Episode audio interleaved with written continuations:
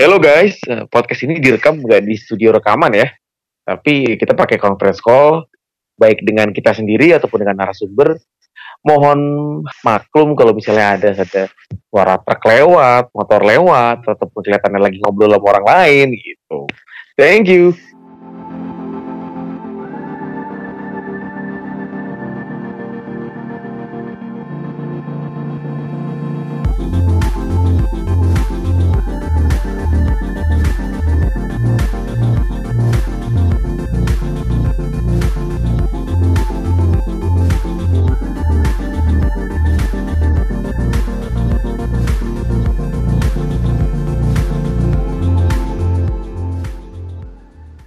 Selamat datang guys di podcast Misal Gawang. Ini episode keberapa? ke sembilan Ada yang ingat? Sembilan. sembilan sembilan Sembilan. Sesuai game week sesuai game week Oh, mantap ya. Di, thank you uh, Bang Erik, Bah, dan di sini ada Mbak Siska Rahayu join lagi ya. Kita berempat. Om Bayu lagi skip nih, lagi ke puncak katanya. Ya udahlah. Uh, kita habis dari international break ya ini. Uh, gue sendiri sih apa ya, udah lama semenjak game week 8 belum buka FPL lagi sih kayak ya udahlah nanti dulu istirahat dulu otak mikirin ini lah. ya lumayan lah Eh, empat game week sekali kita ada libur ya ada libur untuk nggak mikirin ya sebenarnya ngapain dipikirin orang zong mulu. Kayak buang buang buang buang buang energi sumpah. Keluarin keluarin kang Jis. Keluarin kang Jis. Ya gimana ya udah ntar aja deh. Ini apa apa kabar nih semua? Eh, bang Erik apa kabar? Baik baik baik. Sama kemarin lagi detox FPL kan jadi ya nggak nggak nggak ngebuka-buka dulu. Santai dulu poinnya juga jelek ngapain dilihat-lihat kan nah itu dia itu dia. Aduh. Ah, kalau mbak ini kayaknya sehat nih mbak poinnya bagus mulu sih mbak asem. Jelek pak. Pekan lalu cuma 40 kan. cuma. 40. Cu- cuma loh. Sama, Pak Erik juga 40 kan? nggak tahu gue lupa. Gue nggak mau inget-inget Iya, iya mbak sama. Cuman ya aduh. karena masih lama nggak pernah buka lagi. Ya ini baru mau buka. Wah, ini jangan-jangan malah mbak Siska nih yang poinnya kemarin bagus nih gimana mbak Iya bagus banget poinnya sampai nggak tega liatnya ya ampun ini lagi sarkas apa gimana nih. Eh, eh, apa ya? Tadi kan Bang Erik 40, Mbak 40. Gue cuma 38 loh. Beda tipis. Mbak Siska berapa, Mbak? ya kalau nggak salah 39 ya kalau nggak salah sih Anjir, tetap paling buncit sampai. Nih dikit lagi baiklah, baiklah. dikit lagi ngeliat di Skype Kang Cis sign out nih Ya udahlah. Kita sekarang ngobrolin untuk siap-siap di game week 9 nih. Mungkin eh, gue buka dengan ini ya. Dengan kebangkitannya Wolves. Jadi si Wolves ini nggak eh, mungkin kalian nggak sadar tapi dua game week terakhir dia menang dan clean sheet. Ah, jadi apakah Wolves memang sudah kembali ke jalan yang benar? Dan dan yang lebih parahnya lagi kemarin itu menangnya lawan City di Etihad. Itu super sih 2-0 itu nggak tahu tuh itu emang City-nya yang emang pincang karena nggak ada KDB atau Wolves-nya. Udah udah mulai settle nih sama jadwal Eropa udah mulai oke. Nah di sini di Wolves ini sih gue tertarik ngelihat sebenarnya Jimenez ya. Jimenez kemarin dua assist juga dan itu bisa jadi alternatif untuk yang udah nggak sabaran sama Puki nih. Harganya sama nih sama-sama 7,1 mungkin kalau yang beli Puki dari harga 6, ya tambah dikit udah dapat Jimenez dan jadwalnya enak banget. Silakan dicek masing-masing. Itu enak sih walaupun ada nyempil Arsenal itu tetap enak sih menurut gue untuk si Wolves dan si ini ada Traore ini gelandang harga 5 tapi mainnya cukup cukup maju ya maksudnya ketimbang kalau kemarin kita awal musim bilangnya Dendoker empat setengah mainnya a- apa mainnya cukup maju. Nah ini upgrade 0,5 bisa dapat Traore yang uh, game time-nya lumayan. Soalnya kadang dia dipasang di kanan. Kalau misalkan rotasi sama Doherty dia jadi wing kanan. Tapi kalau Doherty main dia malah jadi maju ke depan. Jadi dua pemain itu sih yang menarik perhatian gue. Uh, dari teman-teman di sini ada yang mau komentar nih Wolves siapa pun. Hmm, kalau soal si Traore, gue nggak tahu deh. Sebelum lawan City tuh dia mainin juga nggak tuh? Soalnya Main, main. main juga ya. Main. Di posisi depan juga barengan sama Jimenez. Nah, itu nggak tahu sih. Soalnya kadang dia di di apa ya, di wing back kanan. Dia kadang rotasi sama do, eh kalau Doherty nggak main dia yang di kanan. Tapi kalau Doherty main dia maju ke depan. Oh, asu asu asu asu asu. Enggak, soalnya kayak gue kemarin ngeliatnya si siapa? eh Traore itu takutnya cuman ini eh, gara-gara taktikal waktu lawan City doang. Karena waktu lawan City tuh emang taktikalnya cukup pas sih masuk ngedorong si Adama ke depan buat bantuin Mm-mm. Jimenez counter attack kan secara ngebut banget tuh dan back backnya si siapa City Otamendi sama siapa sih kemarin bah Fernandinho. sama Fernandinho. Fernandinho ya ngebut banget kan larinya jadi acak-acak lah sama Adama Udah tua-tua, Pak. Iya, iya. udah renta semua. Maksudnya gue takutnya itu doang sih. Takutnya si Traore itu eh, bagus em karena emang pada saat lawan City itu emang taktiknya mendukung banget untuk diacak-acak sama dia. Takutnya di pertandingan yang lain waktu dia udah balik ke takutnya dibalikin lagi ke sayap kanan ya jadi biasa lagi. Takutnya gitu doang sih. Butuh sampel lebih banyak berarti. Ya dengan harga segitu mah mungkin kalau emang ya nggak tahu ya kalau budgetnya itu bisa tukeran sama Canwell sih. Harga yang sama nah. Ta- Tapi tergantung nih.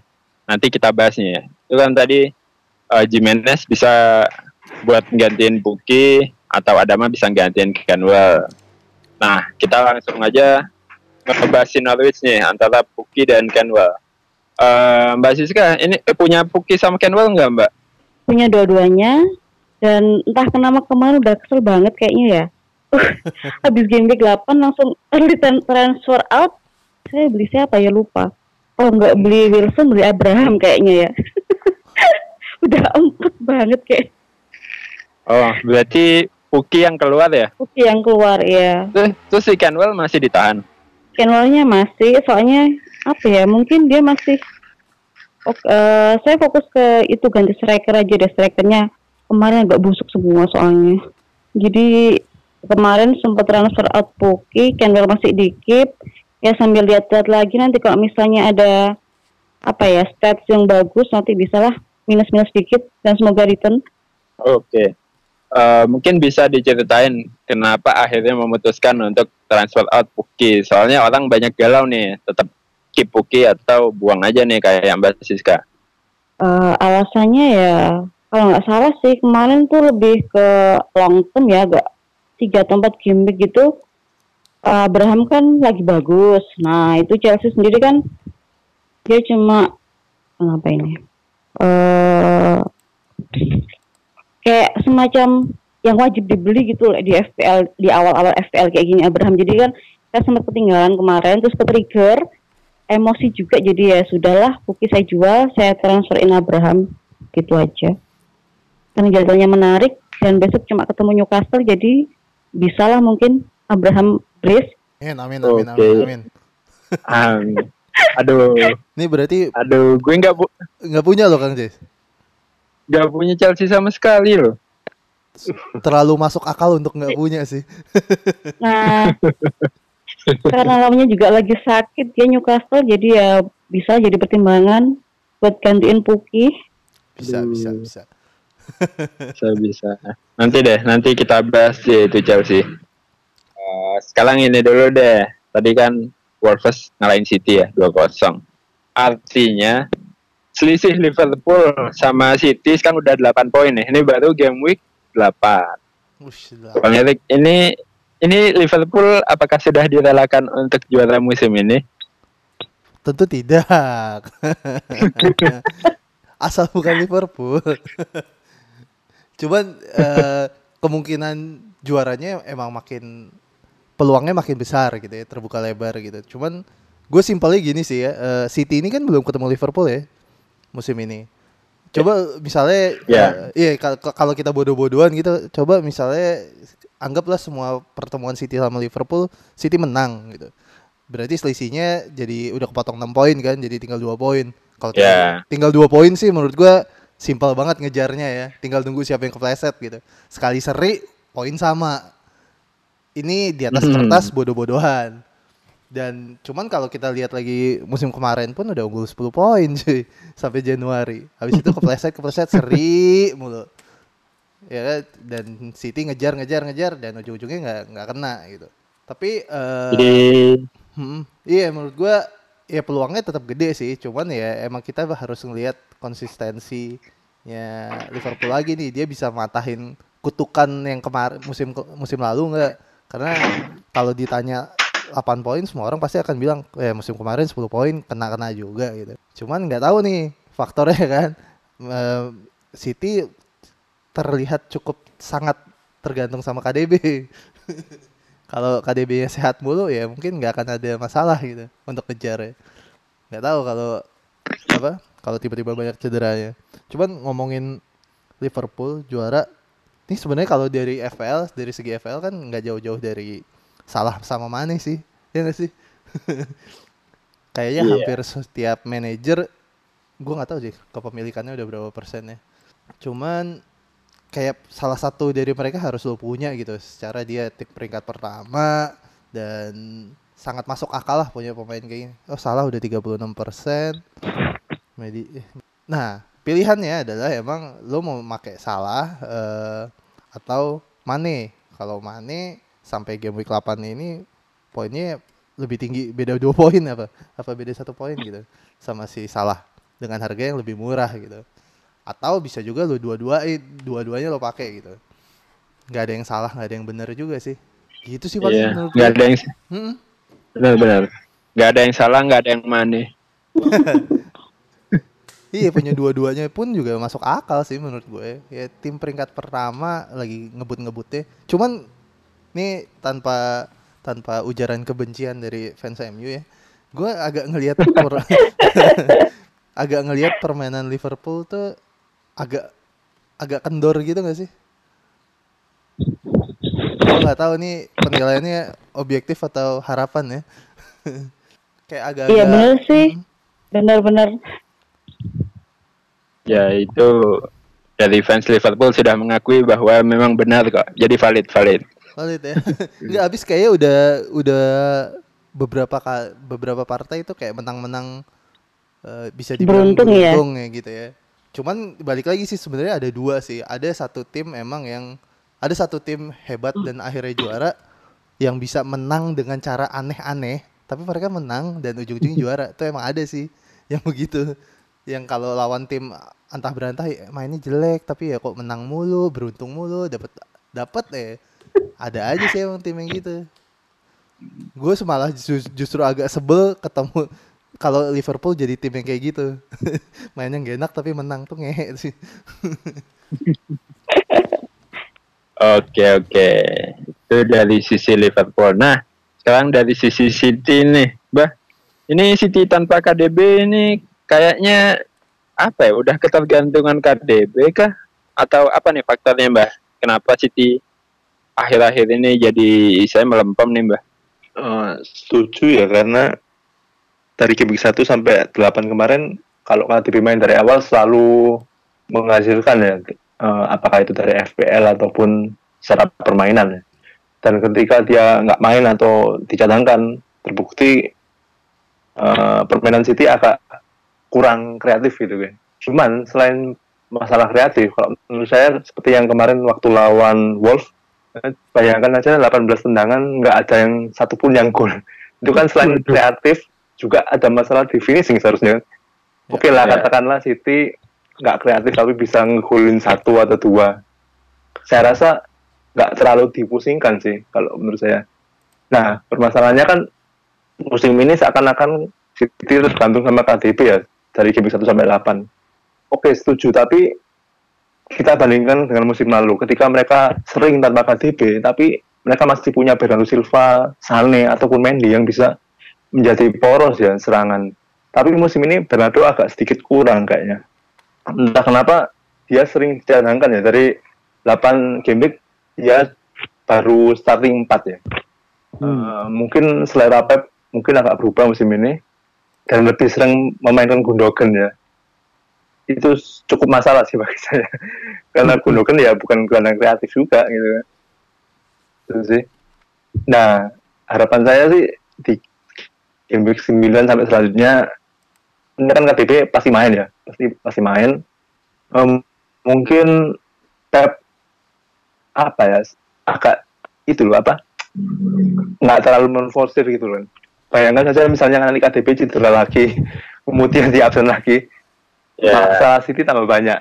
Nah, kalau menurut saya sih Pep eh, main KDP cuman ya game time-nya lah agak dikurangi dikit lah. Kalau menurut saya sih.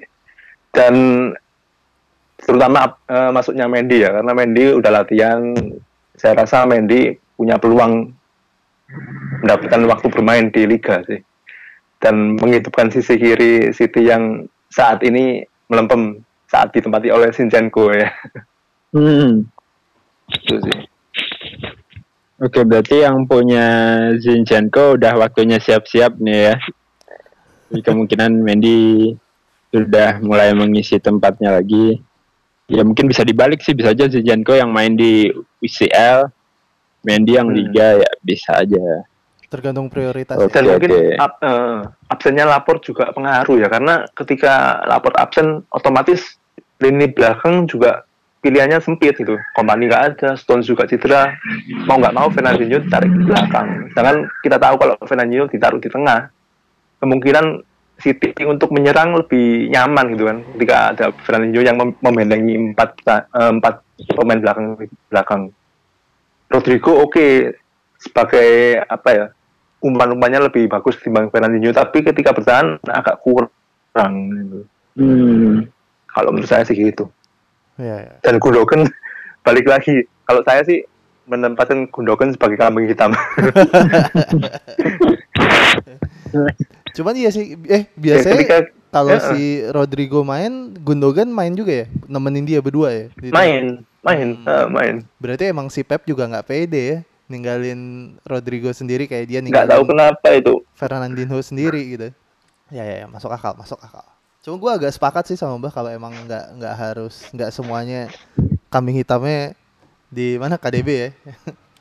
Iya. Emang, ya, iya, kalau emang kalau ngelihat di statistiknya kemarin 18 shot ya har- harusnya penyelesaian finishingnya bisa jauh lebih baik ya. Masa dari 18 satu aja nggak ada gitu ya Mbak ya. sama kayak tangganya Kalau tetangganya nggak bikin Dia 18 mirip Mbak. tetangganya. Tetangganya 18 itu nggak dibikin.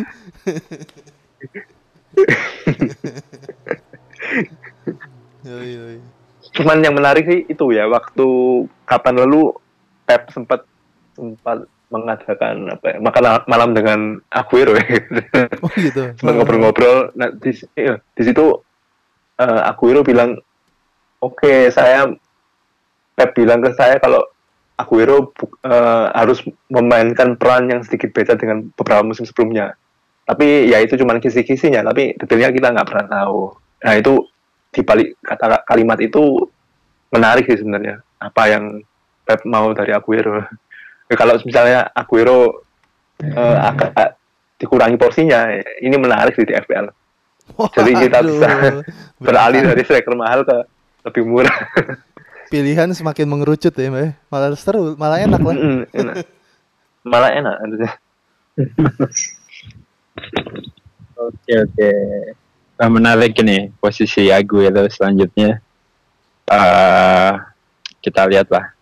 Semoga gimana ya? Ya benar kata Mbah sih. Kalau memang Aguero zamannya berkurang, ya kita menjadi semakin istilahnya tidak terpaku dengan Aguero. Kita mungkin bisa mulai beralih ke Auba, Firmino dan teman-temannya. Oke, eh kita balik ke Chelsea. Tadi kita udah sempat ngebahas Chelsea. Ah, Mbak Siska, eh menurutmu punya Mason Mount dan dan atau Tammy Abraham itu levelnya sekarang udah wajib belum sih mbak? Kalau dua-duanya sih eh, mungkin belum wajib ya, tapi kalau menurut saya yang wajib itu Abraham dulu kayaknya ya. Hmm. Kenapa Abraham dibandingkan Mount? Ya dari stat saja sih dia calon top scorer loh Abraham. Siapa sih yang nggak yang nggak tertarik gitu? Eh, dan apa ya kalau misalnya double double Chelsea gitu agak meragukan ya untuk enam pertandingan ke depan. Asalnya Chelsea harus tandang ke City, Everton dan Spurs. Ya mungkin mereka berdua ada kemungkinan nyekor. Cuman ya lawannya seperti itu jadi agak riskan kayaknya. Kalau untuk game week besok mungkin oke lah punya dua. Oke oke. Ya, yang repot sih kayak gue ini ya belum punya Tammy atau Mount. Nggak, Jadi, nggak, nggak eh, kepikiran ke- ngangkut emang Kang. Nah ini kan punya dua free transfer nih, Oh, kayaknya salah satu ada pasti sih, lah. ada sih. Kita lihat besok. Feeling gue sih Oke, kayaknya Temi nih. Kalau Mbah siapa Mbah? Feeling gue sih Kang Cis ngangkat Temi sih. Biar agak cywar aja. Pedro Mbah. kayaknya ini. Pe- anjing, Pedro.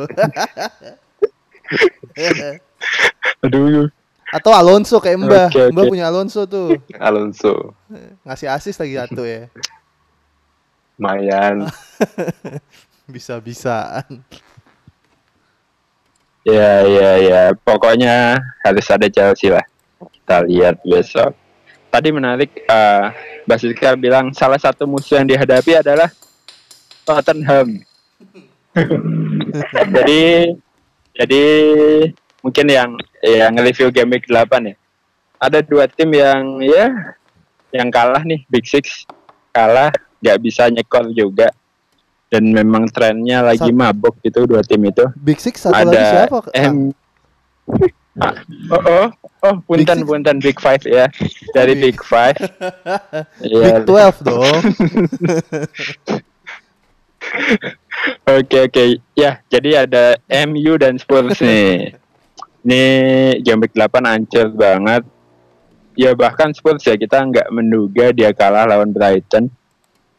Dan MU, yes MU sebenarnya sudah menduga tapi ya itulah. Jadi men- menurut Mbah nih untuk pemain MU dan pemain Spurs itu masih ada harapan nggak sih Mbah di FPL Mbah? Eh, kalau Spurs sih saya lumayan ya masih punya harapan sih kalau Spurs. Karena perma- eh, masalah di Spurs saya rasa lebih ringan ketimbang di MU kalau MU udah masalahnya udah tujuh turunan kayaknya. Tapi kalau Spurs saya melihat punya potensi ya apalagi eh, saya percaya Pochettino lebih bagus ketimbang Ole ya.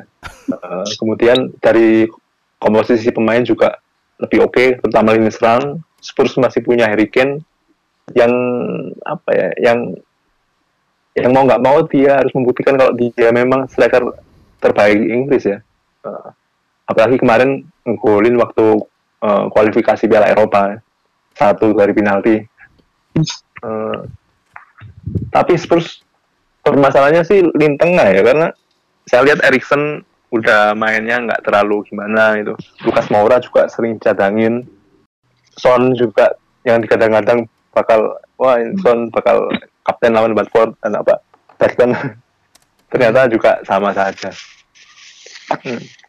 cuman saya melihat Kane masih punya harapan lah. Kalau misalnya saya eh, diberi kesempatan wildcard gitu sekali lagi mungkin saya ambil Kane ya. Oh. Nggak tahu feeling mungkin.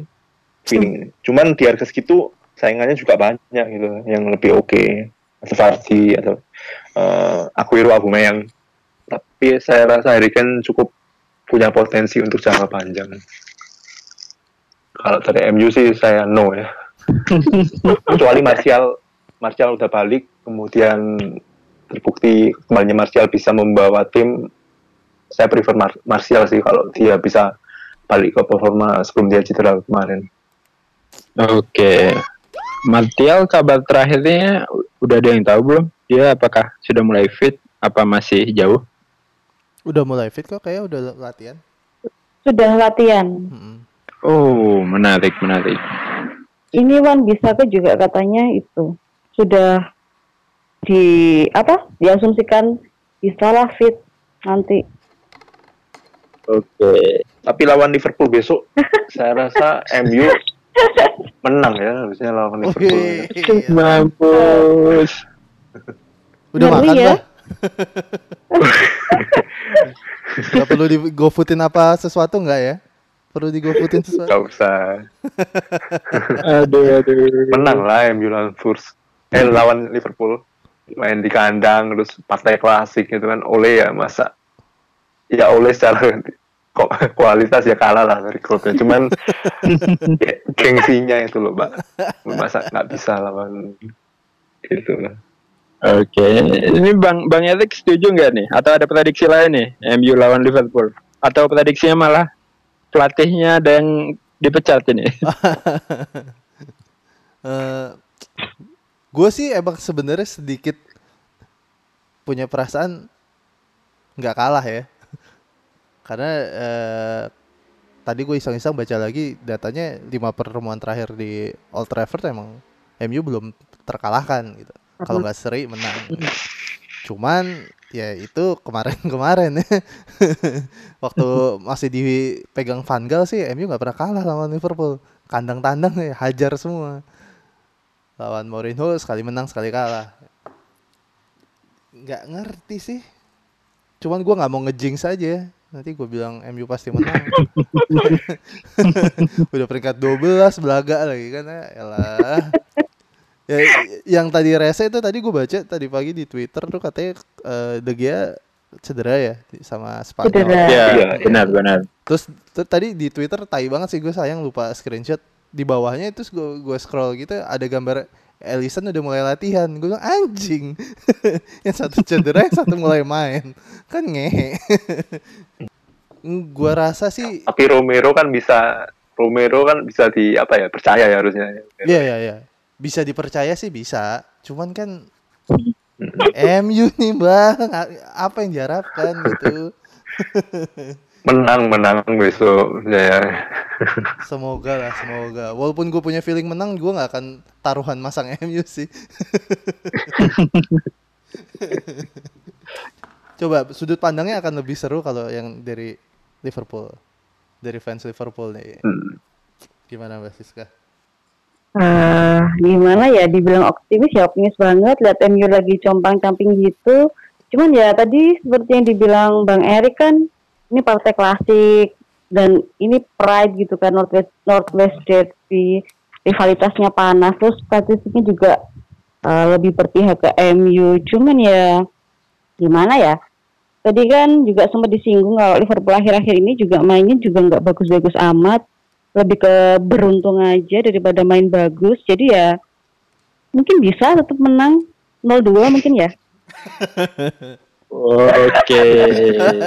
Alisson, Clean sheet dong. Alisson dan eh, Joel Matip sudah balik soalnya jadi ya optimis lah clean sheet. Tapi justru kalau tim coman camping itu tingkat berserahnya pada Tuhan lebih tinggi. Nah. Nah itu juga yang agak bikin ketar-ketir ya.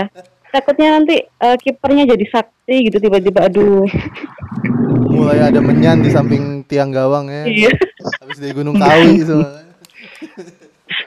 Ini kawangnya dikencingi. gitu. Mulai pesugihan. Kalau Kang Cis, Kang Cis. Gimana Kang Cis? MU Liverpool. Liverpool lah. Ya soalnya apa ya istilahnya Liverpool udah menang 8 kali kayak ya kayak pasti ada ada semangat lebih untuk mempertahankan itu untuk tambah lagi rekor menjadi 9 kemenangan 10 kemenangan dan seterusnya. Ya itu sih. Tapi di sisi lain mungkin MU ini ya gengsi sih gengsi parah. Dan mungkin posisi kursi kepelatihan juga akan terancam nih kalau misalkan kalah apalagi telak ya ini waduh nggak tahu deh nasibnya Hmm.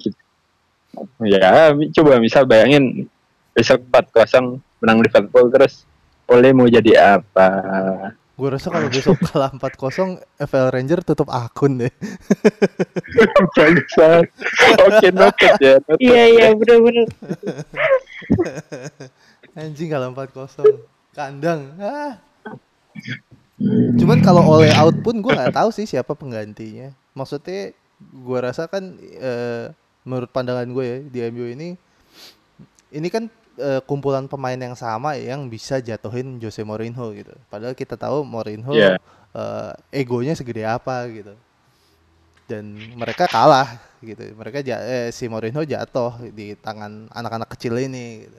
Gua nggak tahu sih di luar sana eh, mas pelatih yang tersedia ya eh, yang punya determinasi dan apa ya yang bisa menangin ini sih menangin ruang ganti. Karena musuhnya cuma itu. Kalau kalau gua boleh milih gitu ya mungkin gua akan pilih ya udah gua sebagai fans MU udah pasrah nih ya. 5 sampai 10 tahun ke depan gak ngapa-ngapain MU gua udah pasrah. Gitu. selama iya selama nggak juara nggak apa-apa deh. Selama eh, lo ada di rute yang benar untuk memperbaikinya gitu. Cuman ya, kalau gua sih mungkin gua akan suka ngelihat Roy Keane gitu ya masuk jadi asisten pelatih gitu biar di tuh anak-anak bocah itu ditempeleng-tempelengin aja. Menurut gue ya gue rasa mungkin cuma butuh gitu doang sih. Sec- oh eh, tambahan juga emang Ole secara taktikal tai juga sih. Sampah dibandingin ngelihat Ashley Young mendingan gue ngelihat pemain muda lah 14 tahun nggak tahu namanya mendingan mereka dia deh yang main daripada ngelihat Ashley Young tai lah itu gitu sih. Asli yang. Iya iya iya. Bahkan bahkan kapten loh itu Asli yang Iya kapan ya? kapten Paling tua. karena paling tua Kan paling tua. Tapi ada rumor sih, apa kapan lalu sempat baca berita ya, artikel apa semacam berita gitu. Allegri ya kayaknya. Kalau semakin mendekat kalau oleh sampai outnya. yang tersedia Oh. sih ya yang big name Allegri lagi nganggur sih Kucing Iya, iya, iya, hiding bisa sih, cuma enggak sih, gue nggak tahu deh. Harus egonya harus gede sih menurut gue. Gila ya. Kalah sama bocah sama media sosial doang. Bocah ya. Kalah sama bocah yang lagi fitness di Dubai sambil instastory. Ya ya. Memang belum ada sih yang bisa menggantikan Sir Alex ya. Tetap susah deh, susah. Kalau ketika ada pelatih baru langsung di head to headin sama bagaimana Sir Alex sulit. Tapi malah sekarang jadi jadi lebih parah gitu loh. Saya bukan bukannya tidak setara dengan Sir Alex tapi jadi makin parah. Jauh banget. Oke lah ya, kita sama-sama doakan yang terbaik untuk MU ya dan Asik. kita doakan jangan dan jangan sampai jadi loh masalahnya kalau 4-0 lu tutup akun lo ya ya tiga kosong lah biar nggak tutup akun ya Kalau 5-1, Pak. Ya, kalau lima kosong nggak apa-apa mbak iya, harus empat kosong dia tutup akunnya banyak banyak ruang ngeles. Kalau nggak 4-0 tuh banyak ruang ngeles. Ya kan 6-2 gitu masih ngelesnya banyak. Dia nggak tutup Enggak, enggak akun. menang menang MU besok. Menang. Jangan gitu, oke Mbak. yaudah eh, karena tadi kita sudah bahas yang yang apa ya yang jelek kita bahas yang bagus sekarang Leicester mbak. Leicester ini gimana ya? Kan kemarin sempat juara tapi eh, kita mikirnya itu one season lah one season wonder. Tapi musim ini kayaknya udah mulai nanjak lagi mbak. Ini kira-kira bisa dapat empat besar nggak musim ini mbak Leicester? Ya kalau eh, liganya cuman sampai ke 8 pasti dapat empat besar. cuman kan ini kan masih panjang kan menurut saya. Terus eh, Spurs juga masih angin-anginan lagi cari-cari apa ya cari performa yang baik. MU juga kalau menurut saya sih Leicester kalau empat besar agak agak berat sih kalau menurut saya. Di samping karena faktor pemain-pemain yang apa ya, yang jomplang ya. Kalau misalnya kita lihat semisal kayak Madison cedera ataupun Vardy cedera misalnya penggantinya mungkin nggak semumpuni mereka gitu loh. kalau menurut saya sih itu uh, andai Iya. kata pun mereka bisa meraih besar itu mungkin karena ada dua faktor kalau menurut saya Uh, tim kayak Spurs MU memang sampai akhir musim nggak perform dan Leicester bisa konsisten masalahnya bisa nggak konsisten selama 38 pekan itu yang mungkin kalau menurut saya agak susah dengan komposisi pemain yang seperti ini kalau menurut saya Nah, ya mbah. Terus kalau pemain Leicester ada yang mau lo ambil nggak? Ya dengan asumsi misalkan kita bisa memperkirakan uh, Leicester akan konsisten gitu. Hmm. Ada yang bakal lah, Pak. ambil nggak? Fadli ya mbah? Fadli lah pak ya Gak perlu banyak alasan untuk Fadli lah kayaknya iya, ya. Gue juga nggak akan menanyakan mbah ya Fadli. ya Fadli, is Fadli ya, you know. Oke. hijau royo-royo loh. Itu dia. Ya gue ada medicine sih, ya gue keep aja tapi nggak tahu nih cederanya gimana. Soalnya kuning sih. Iya. Di Ya, sama yang lagi rame ada and Backnya Leicester Oh, iya. si Pereira. iya, Pereira bahkan Perez yang awal-awal musim nggak digadang-gadang terus dibuang-buang orang ternyata dua game terakhir selalu kasih asis iya benar baru nyetel ya Iya. Udah mulai panas itu beres. Iya makanya jadi menarik sih. Cuman kalau pertanyaannya Kang Cis kayak tadi empat besar sih menurut gua cukup sulit ya. Bukannya nggak mungkin ya. Yang siapa sih yang mikir Leicester kemarin bisa juara gitu ya? Mungkin empat besar cuman sulit aja. Karena masih ada Chelsea Arsenal sulit lah. Belum kalau tiba-tiba Spurs comeback.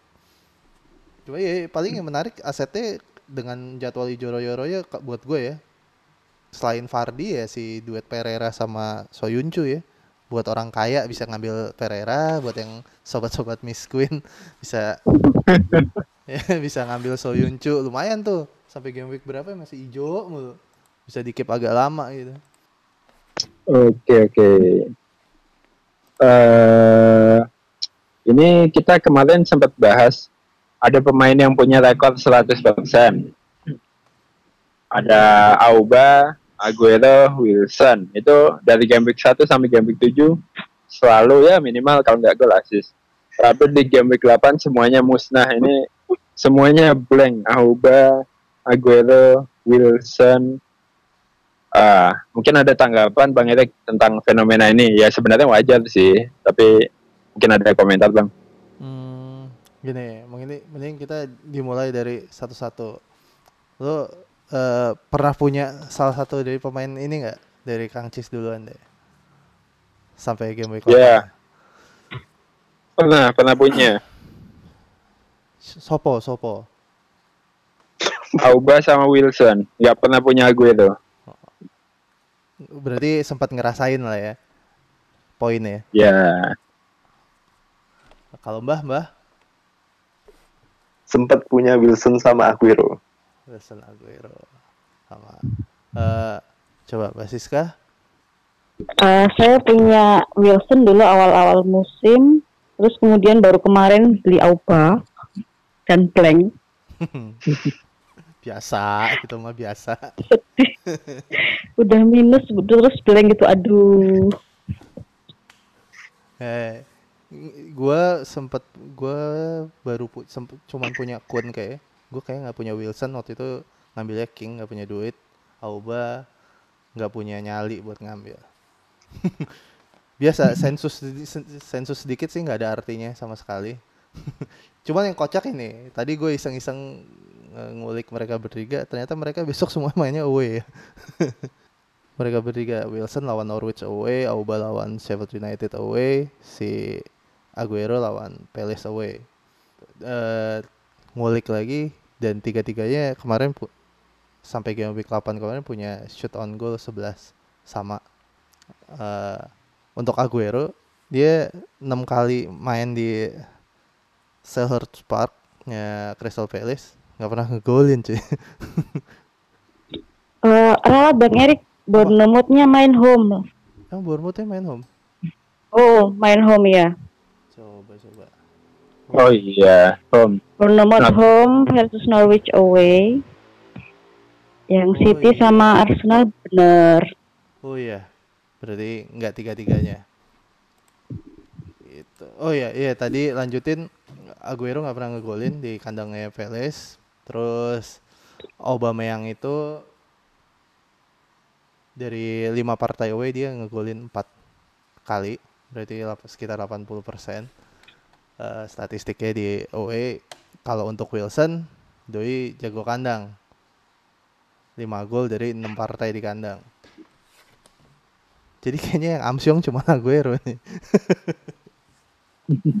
Sisanya ya statistiknya sih gitu sih. Eh mereka bertiga gua nggak Kun udah gue gua nggak punya Kun juga menurut gue yang paling menarik Auba sih sekarang di antara mereka bertiga. Walaupun belum punya nyali untuk ngambil ya. Ya, kalau dari tiga itu, gua lagi tertarik sebenarnya Wilson ya. Wilson kan lawan Norwich ya, Hmm, lawan Norwich. Ya lu tahu Norwich kemarin di kandang juga habis kena 5 gol lawan Aston Villa loh. Ya. Ka- kaget banget gue. Ya menarik sih nih calon Wilson. Mungkin buat yang masih punya ini ya ditahan lah. Tapi kalau belum punya untuk ngambil Wilson sih masih banyak opsi lain ya, ya macam Abraham gitu. Kayaknya susah deh. Maksudnya lebih pilih Wilson dibanding Abraham susah. Tapi ini menarik ini Wilson lawan Norwich. Oke oke ya di tempat gue nih udah mulai hujan deras. Suara masih aman kah guys? Aman. Aman ya. Suara kucingnya aja Oke, nggak oke. kedengeran. Oke, last question. Eh, untuk kapten game week 9. Siapa nih kira-kira? Ya, bisa pilih dua nama. Mulai dari Mbah dulu, Mbah. Silakan, Mbah. Eh, yang mayoritas mungkin Sterling ya Sterling terus yang agak agak nggak nggak mayoritas eh, mungkin Jimenez mungkin ya Jimenez menarik Sterling dan Jimenez. Sterling kira-kira main, Mbah? main lah harusnya ya City butuh menang terus ya tergantung eh, kondisi terakhir kalau misalnya Sterling latihan kemungkinan besar masih main lah Oke, oke. Sterling Jimenez. Eh, Mbak Siska. Eh ambil kapten anti mainstream aja deh kayaknya ya. Coba Eh. kaptennya di itu eh, Abraham sama siapa ini? Fardi aja.